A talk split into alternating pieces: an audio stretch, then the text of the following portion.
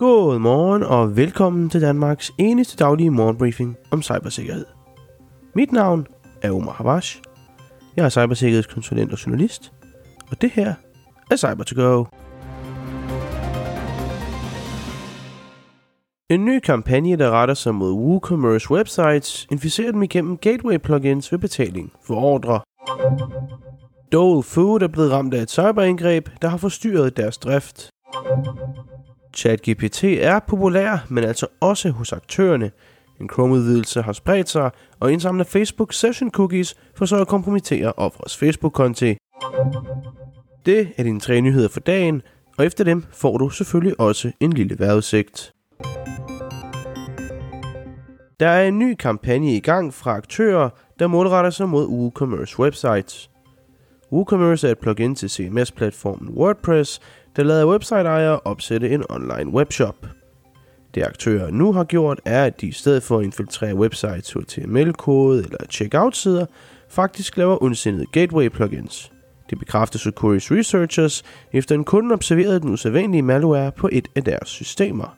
De plugins bruges som gateways til betaling, og fordi de altså kommer sidst i ordreprocessen, er de sværere at finde for cybersikkerhedsvirksomheder og så at sige traditionelle forsvarsmekanismer. Specifikt drejer det sig om Authorize.net Gateway pluginet, så hvis du har den installeret på dit WordPress website, kan afinstalleringen kun gå for hurtigt. Dole Food, der sælger friske råvarer til kunder i over 75 lande, er blevet ramt af et cyberangreb. Det har de bekræftet i en officiel rapport til USA's Securities and Exchange Commission. Vi var mål for et sofistikeret ransomware-angreb med uautoriseret adgang til medarbejderdata, forklarer de i rapporten. De har ligeledes bekræftet, at angrebet, der altså fandt sted den 22. februar, forstyrrede deres drift i et begrænset omfang. De har endnu ikke nævnt, hvem de mener står bag angrebet, og ingen ransomware-gruppe har ifølge Level 7's oplysninger endnu taget ansvar for det her angreb. ChatGPT's popularitet er igen et problem. Måske ikke i sig selv, men i forhold til, hvordan aktørerne bruger populariteten til at lokke ofre til sig. For nu er der nemlig en ny Google Chrome-udvidelse, der hedder ChatGPT for Google.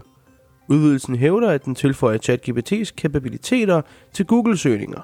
Men det den gør i baggrunden er, at den forsøger at stjæle session cookies for offres Facebook-konti.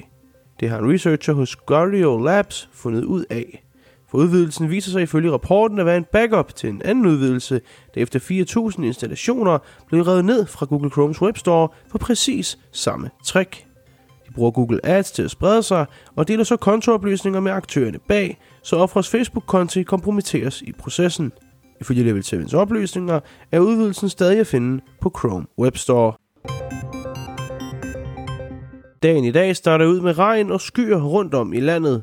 Som vi nærmer os frokosttid vil regnen aftage, og sol dække landet frem til fyraften. I de senere aftentimer i visse egne skyet, men ellers rimelig roligt vejr. Temperaturer mellem 6 og 9 grader hen over dagen, men lidt koldere sen aften.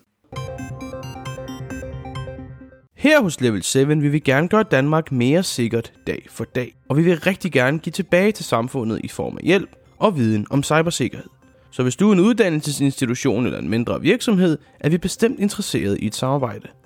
Du kan læse mere om os og kontakte os på www.lvl7.dk. Mange gange tak for, at du lyttede med til dagens udsendelse af Cyber to Go. Mit navn er Omar Havash, og jeg ønsker dig en dejlig torsdag. Kør forsigtigt!